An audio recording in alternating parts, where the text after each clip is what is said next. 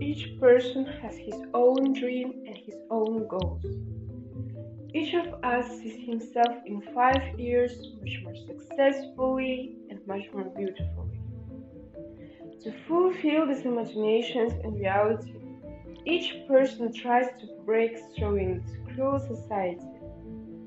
But why only units can really fulfill all dreams into reality?